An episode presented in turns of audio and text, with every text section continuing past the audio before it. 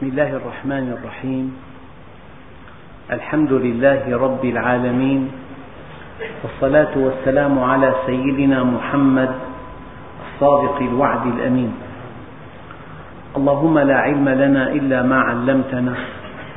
إنك أنت العليم الحكيم.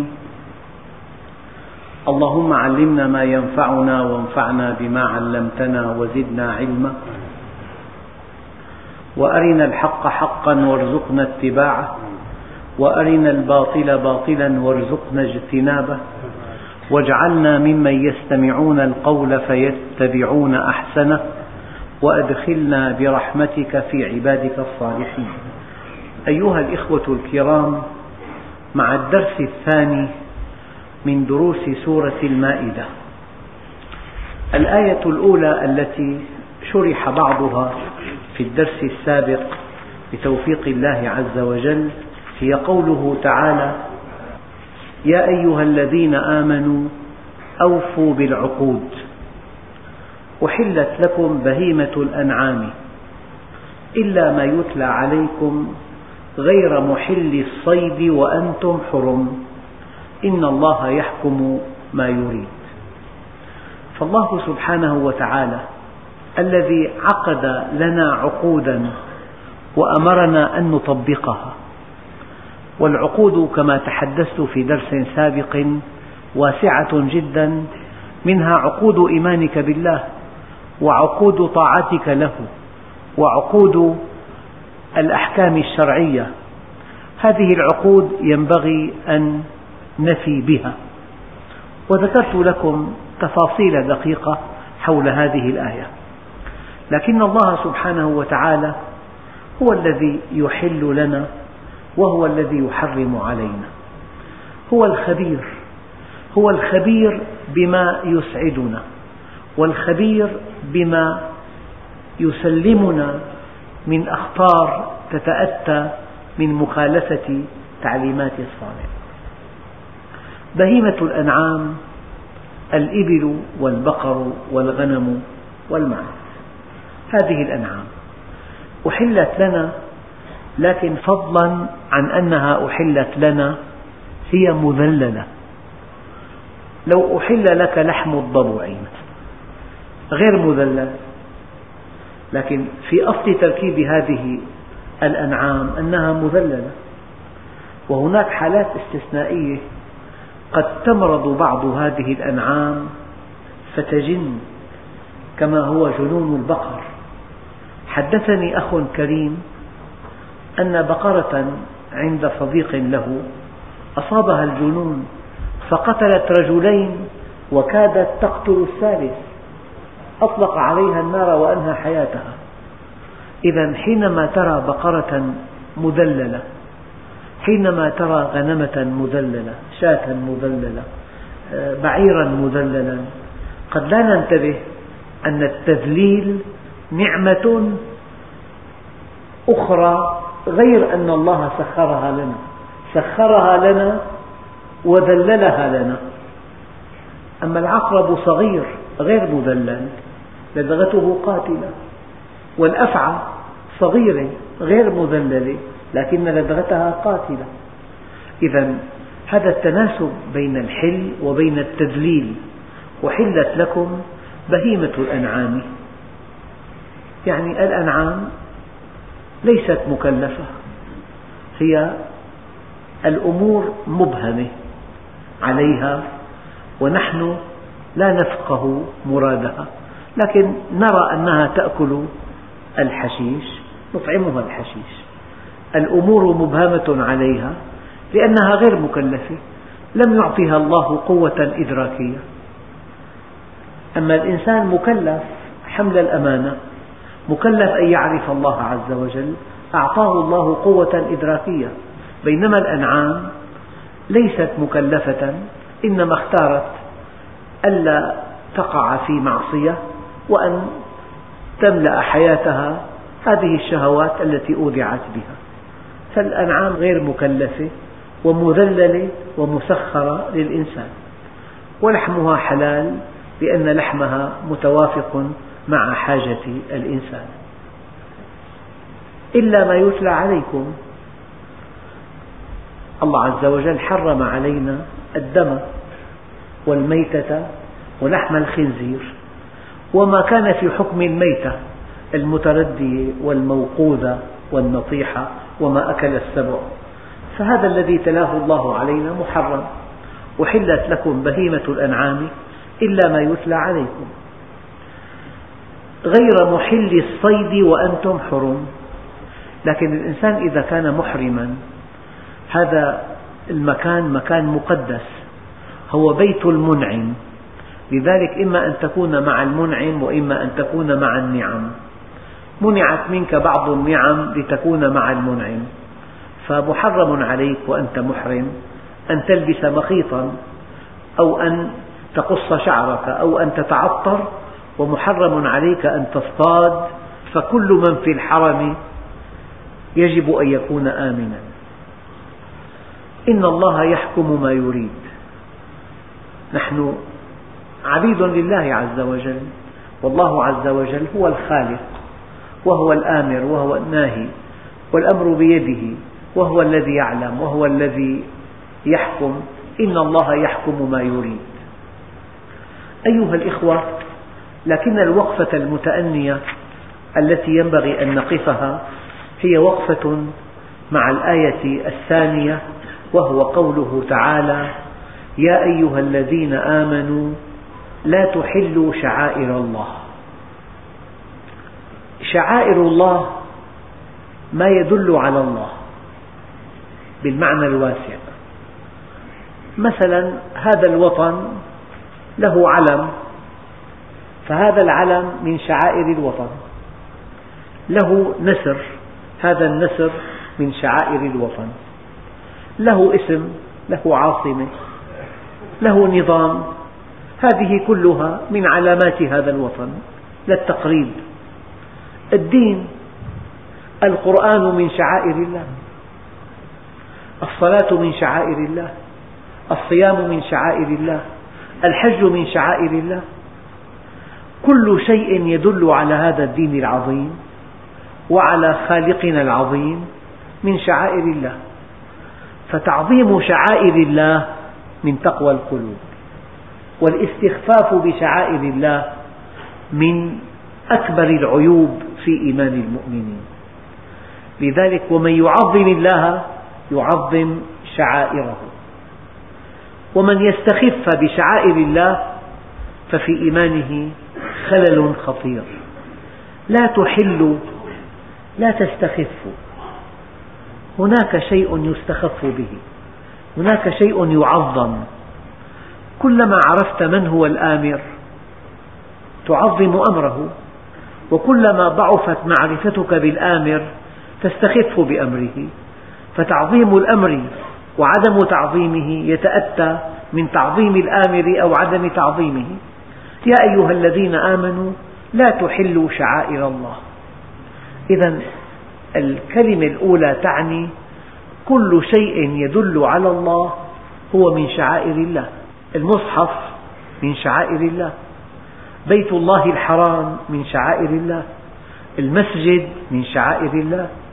الأذان من شعائر الله.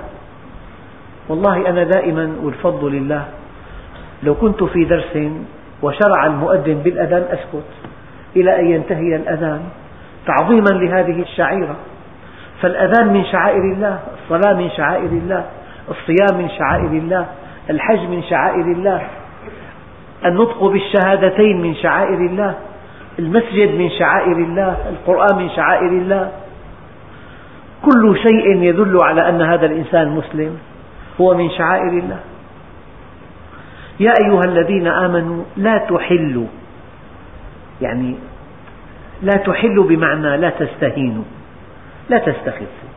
لا تهملوا. لا تحلوا شعائر الله. بدليل أن الله عز وجل يقول ومن يعظم شعائر الله فإنها من تقوى القلوب. لكن الذي اشتهر أن الشعائر تعني مناسك الحج. الإحرام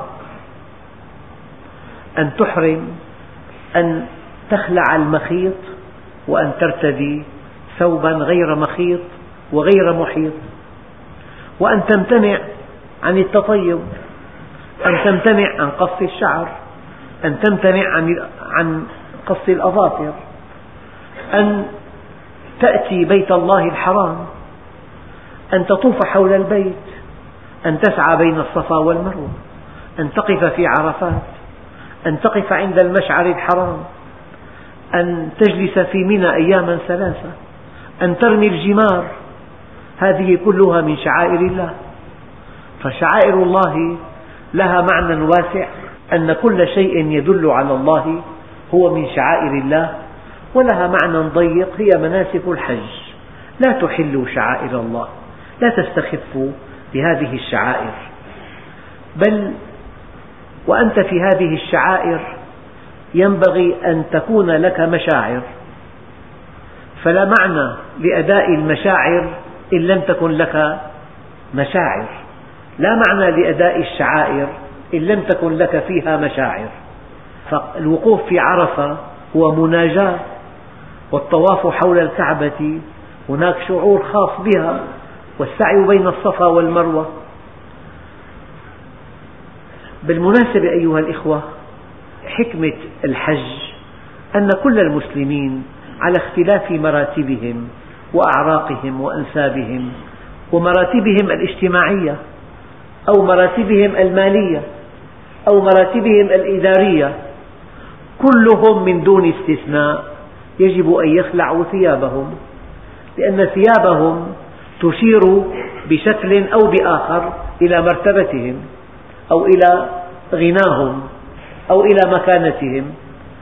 فليس في الحرم دنيا الناس سواسية كأسنان المشط. وليس هناك طواف خاص بالسلك الدبلوماسي وطواف خاص مع عامة المسلمين لا. ولا في مسعى للمهمات مسعى لبقية المسلمين. لو جاء ملك يجب أن يطوف مع المسلمين وأن يسعى مع المسلمين. في هذه الشعائر تتوحد المشاعر وتزال كل الفروق بين الطبقات. لا فرق بين أمير وخفير ولا بين قوي وضعيف ولا بين رجل من أدنى سلم اجتماعي ولا بين رجل في أعلى سلم اجتماعي.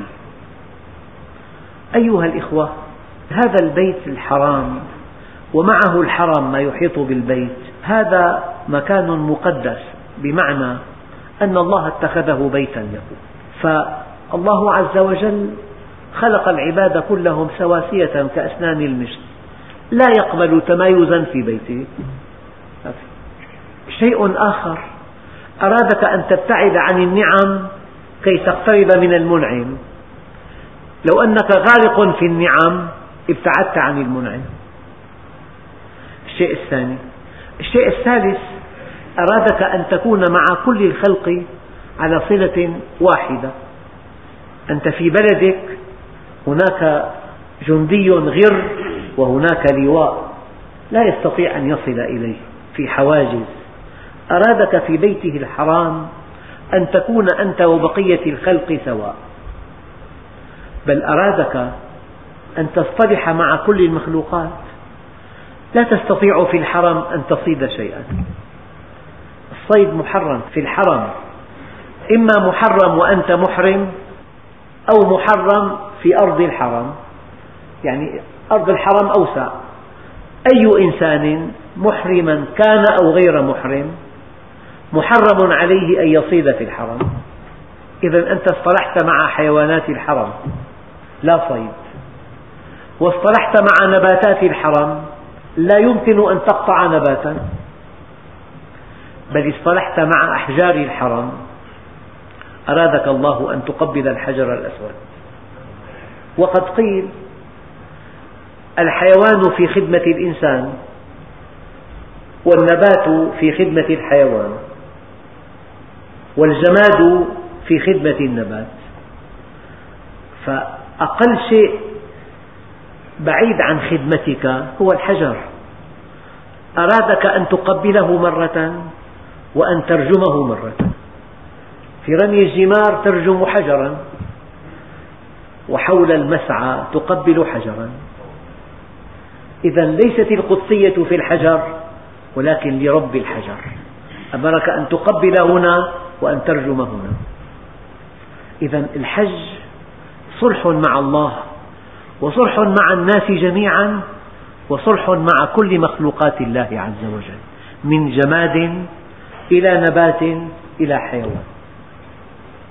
يا أيها الذين آمنوا لا تحلوا شعائر الله لا تستخفوا بها. وعلامة إيمان المؤمن أن أمر الله عنده كبير وأن المؤمن يغضب لله ويرضى لله ويعطي لله ويمنع لله. ولا الشهر الحرام. خالق البشر أعلم بطبيعة النفوس. الإنسان حينما يدخل في حرب مع إنسان آخر يفور الدم بينهما. ولا أحد مستعد أن يوقف القتال. وقد يدمر الاثنان بعضهما بعضا. وقد تأتي الحرب على الأخضر واليابس. وقد تفني ملايين والحرب لا تقف شاءت حكمة الله أن يجعل في شرعه العظيم لكنه الآن غير مطبق. أن يجعل أشهرا حرما. الأشهر الحرم ذو القعدة وذو الحجة ومحرم ورجب. أربعة أشهر. هذه الأشهر القتال مستعر.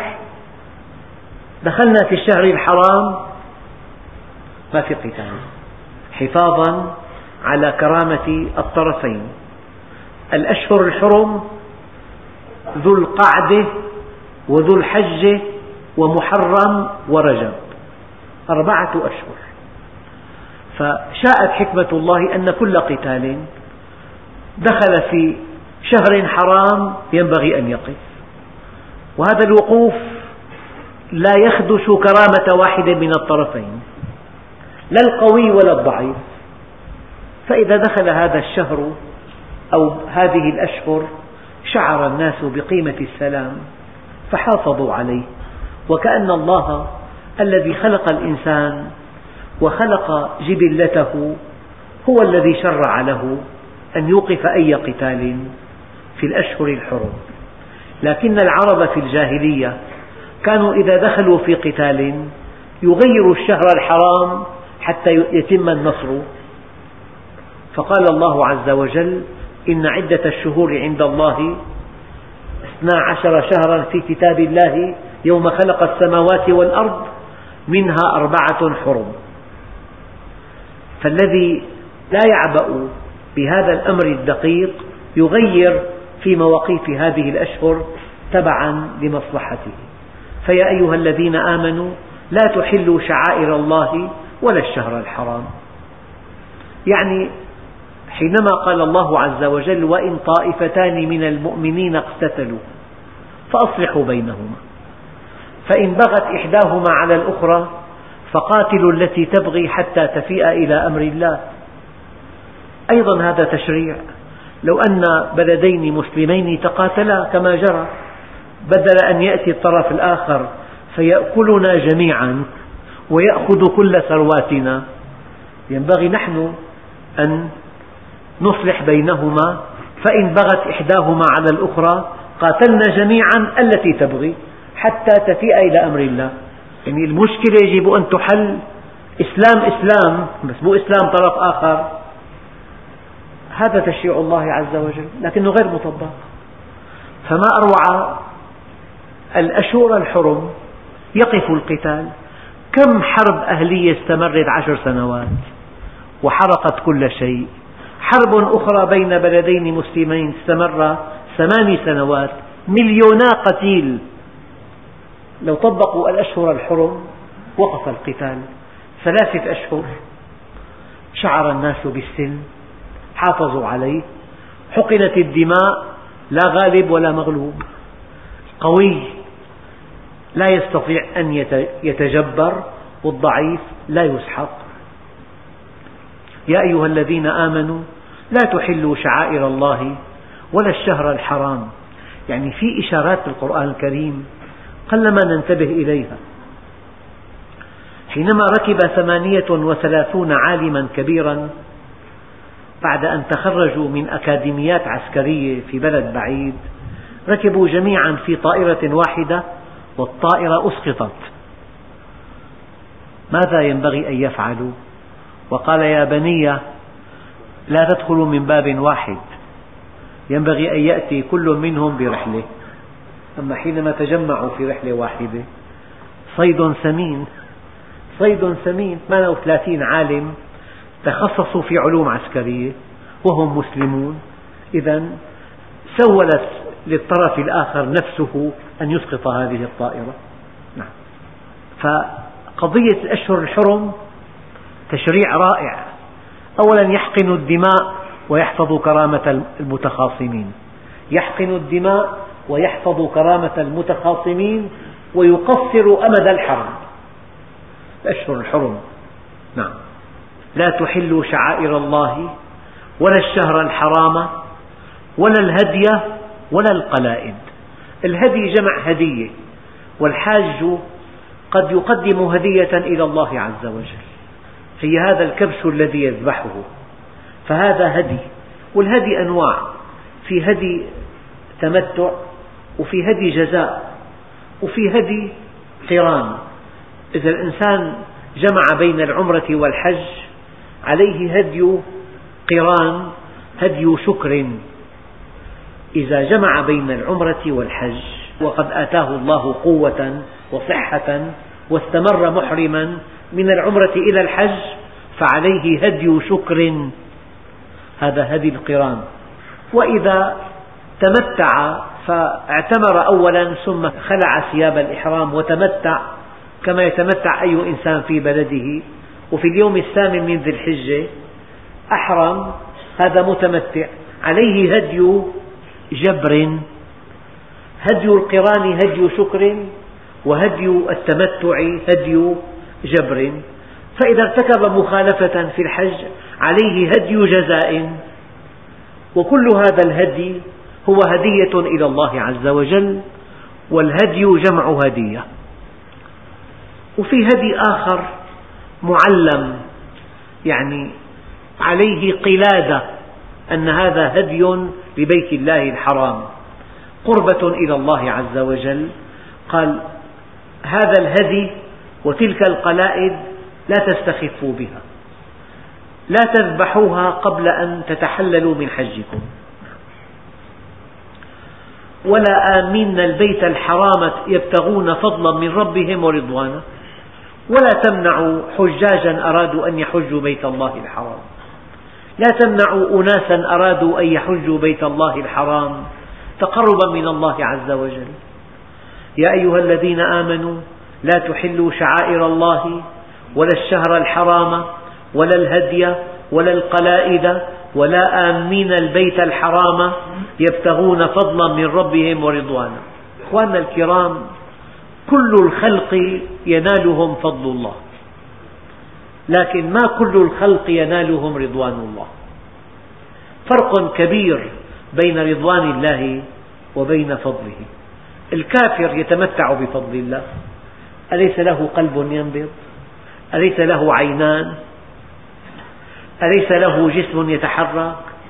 أليس له عقل يدرك؟ أليس له لسان ينطق؟ أليس أمامه طعام يأكله؟ هذا فضل الله عز وجل.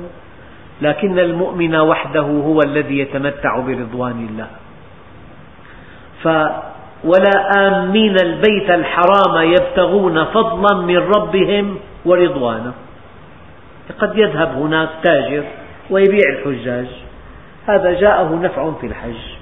هذا ابتغى فضل من الله لكن ما ابتغى رضوانا أما الحاج المخلص يبتغي من الله فضلا ورضوانا.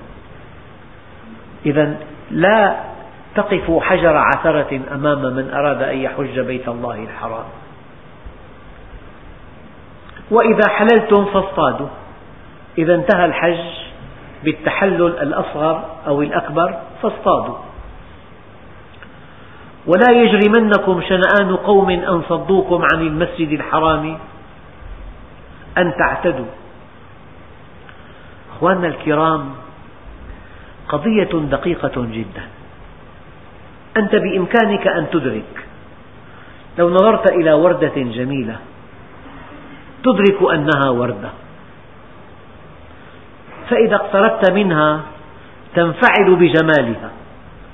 صار في إدراك أنها وردة ثم تأثرت بجمالها. لكن إذا مددت يدك لتقطعها وليست في حديقة دارك هذا عدوان. مسموح لك أن تدرك وأن تنفعل. وغير مسموح لك أن تقوم بعمل عدواني هذا مطبق في جميع الحالات. لك أن تنظر إلى شيء جميل. أن تدرك جمال هذا الشيء ثم أن تنفعل بهذا الجمال. لكن ليس لك أن تعتدي عليه. إلا مع المرأة. منعت من المرحلة الأولى. لأن المرأة إذا أدركت جمالها وانفعلت به تغيرت كيمياء دمك. وصار الطريق مغريا إلى الوصول إليها. فقال الله عز وجل قل للمؤمنين يغضوا من أبصارهم. فقط مع الطرف الآخر مع المرأة ممنوع أن تدرك. وممنوع أن تنفعل إلا إذا أحل الله لك والذين هم لفروجهم حافظون إلا على أزواجهم أو ما ملكت أيمانهم فإنهم غير ملومين. إذا مسموح لك أن تدرك مسموح لك أن تنفعل ممنوع أن تعتدي. إلا مع المرأة ممنوع أن تدرك ممنوع أن تنفعل ممنوع أن تفعل شيئا لا يرضي الله عز وجل. ما قيمة هذه المقدمة لهذه الآية؟ قال ولا يجرمنكم شنآن قوم. يجرمنكم بمعنى يحملنكم. والشنآن البغض الشديد. الإنسان من حقه أن يبغض كافرا. كل واحد منا. هناك شخص يكونه وشخص يتمنى أن يكونه. كمثله الأعلى. وشخص يكره أن يكونه. إن كنت صادقا تكره الكاذب. وإن كنت أمينا تكره الخائن. وإن كنت شجاعا تكره الجبان. وإن كنت كريما تكره البغي. وإن كنت مؤمنا تكره الكافر. شيء طبيعي. فالله عز وجل ما منعهم أن يبغضوا. ولا يجرمنكم شنآن قوم من هم القوم الذين يبغضونهم المؤمنون؟ من هم القوم الذين يبغضهم المؤمنون؟ بين قوسين. لا يمكن أن يكون هناك فاعلان لفعل واحد. فالنحاة يأتون بمثل طريف. هل لك أن تقول أكلوني البراغيث؟ صار في البراغيث فاعل والواو فاعل. يجب أن تقول أكلتني البراغيث مو أكلوني البراغيث. فلا يجوز أن يكون هناك فاعلان للفعل. إذا سمح الله لك أن تبغض بل إن هذا البغض في الله. لا يكمل إيمان المؤمن حتى يحب في الله ويبغض في الله ويعطي لله ويمنع لله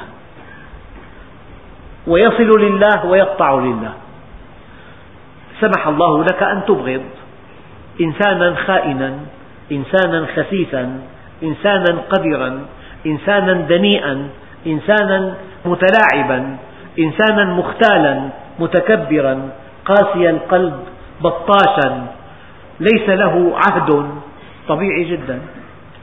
لكن أنت منهي عن أن يحملك هذا البغض على أن تعتدي عليه.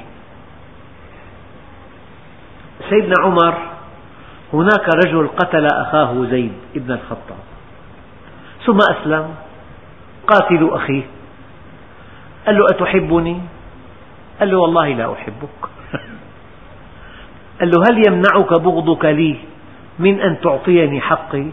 قال لا والله. بغضي لك لا يمكن أن يمنع عنك حقك. قال إذا إنما يأسف على الحب النساء. هنا ولا يجرمنكم أي لا يحملنكم شنآن قوم أن صدوكم عن المسجد الحرام أن تعتدوا. لذلك لك أن تدرك أن هذا عدو ولك أن تبغض لكن ليس لك أن تعتدي. ليس لك أن تعتدي. هذه الآية تذكرنا بآية ثانية ولا يجرمنكم شنآن قوم على ألا تعدلوا اعدلوا هو أقرب للتقوى. اعدل مع هذا الذي تبغضه فلعل عدلك يقربه إلى الله. ولعل عدلك يقربه إليك فيسلم. يعني لو فهم الصحابة الكرام الإسلام كما نفهمه نحن صلوات مساجد كلام مكتبات مؤتمرات لكن ما في استقامة ما في التزام. والله ما خرج الإسلام من مكة لأنه وصل إلى أطراف الدنيا كان إسلام قيم وإسلام مبادئ. ولما سيدنا عمر أسلم على يديه ملك الغساسنة جبل أبن الأيهم وهذا الملك في أثناء الطواف حول البيت داس بدوي طرف إزاره فانخلع الإزار من كتفيه فغضب والتفت إلى هذا البدوي ضربه ضربة هشمت أنفه. لم يجد هذا البدوي من يشتكي إليه إلا عمر. فجاء لعمر وشكى ملك الغساسنة تصور واحد في قمة المجتمع ملك وواحد في الدرجة الدنيا من المجتمع لكن هذا هو الإسلام. فاستدعى هذا الملك يعني هناك من صاغها شعرا قال أصحيح ما ادعى هذا الفزاري الجريح؟ فقال جبل لست ممن ينكر شيئا أنا أدبت الفتى أدركت حقي بيدي. قال أرضي الفتى لا بد من إرضائه ما زال ظفرك عالقا بدمائه أو يهشمن الآن أنفك وتنال ما فعلته كفك قال كيف ذاك يا أمير؟ هو سوقة. هذا من عامة الناس هذا. ما بدك الشارع العربي؟ هذا من الشارع. هو سوقة وأنا عرش وتاج. قمم. كيف ترضى أن يخر النجم أرضا فقال له نزوات الجاهلية ورياح العنجهية. قد دفناها. أقمنا فوقها صرحا جديدا وتساوى الناس أحرارا لدينا وعبيدا. قال جبلة كان وهما ما جرى في خلدي أنني عندك أقوى وأعز. هيك؟ أنا مرتد إذا أكرهتني. العنق المرتد بالسيف تحز. عالم نبنيه كل صدع فيه بشب السيف يداوى. وأعز الناس بالعبد بالصعلوك تساوى. هذا هو الإسلام. سيدنا بلال اشتراه الصديق من سيده. قال له سيده والله لو دفعت به درهما لبعتكه. ما له قيمة عندي. فقال الصديق لسيدي بلال والله لو طلبت به مئة ألف لأعطيتكها. هذا أخي في الله. وضع يده تحت إبط بلال وقال هذا أخي في الله. وكان الصحابة الكرام إذا ذكروا الصديق قالوا هو سيدنا وأعتق سيدنا. أعتق سيدنا. هذا الإسلام. الإسلام في عدل. لو أن فاطمة بنت محمد سرقت لقطعت يدها. لمن هذه الإبل؟ إبل ثمينة قالوا هي لابنك عبد الله ابنك سيدنا عمر. قال ائتوني به كان غاضبا. فلما رآه غاضبا قال له ماذا فعلت يا أبتي هي إبل اشتريتها بمالي وبعثت بها إلى المرعى لتسمن. فماذا فعلت قال له ويقول الناس أرعوا هذه الإبل فهي لابن أمير المؤمنين. أسقوا هذه الإبل فهي لابن أمير المؤمنين. وهكذا تسمن إبلك يا ابن أمير المؤمنين. أعطاني السمنانة لأنك ابني. بيع هذه الإبل وخذ رأس مالك ورد الباقي لبيت مال المسلمين. هذا هو الإسلام. والله الذي لا إله إلا هو. لو طبق هذا الدين ماذا أقول لكم؟ هؤلاء الطغاة لكانوا تحت أقدامنا والله تحت أقدامنا. الأمر ليس كذلك الآن. لهم علينا ألف سبيل وسبيل. هان أمر الله علينا فهن على الله. ولن يجعل الله للكافرين على المؤمنين سبيلا. لهم علينا ألف سبيل وسبيل. ولا يجرمنكم شنآن قوم أن صدوكم عن المسجد الحرام أن تعتدوا. أما الآية التي أحرصوا عليها حرصا شديدا وتعاونوا على البر والتقوى ولا تعاونوا على الإثم والعدوان. واتقوا الله إن الله شديد العقاب. إن شاء الله في درس قادم نمضي الدرس في هذه الآية التي نحن الآن في أمس الحاجة إليه والحمد لله رب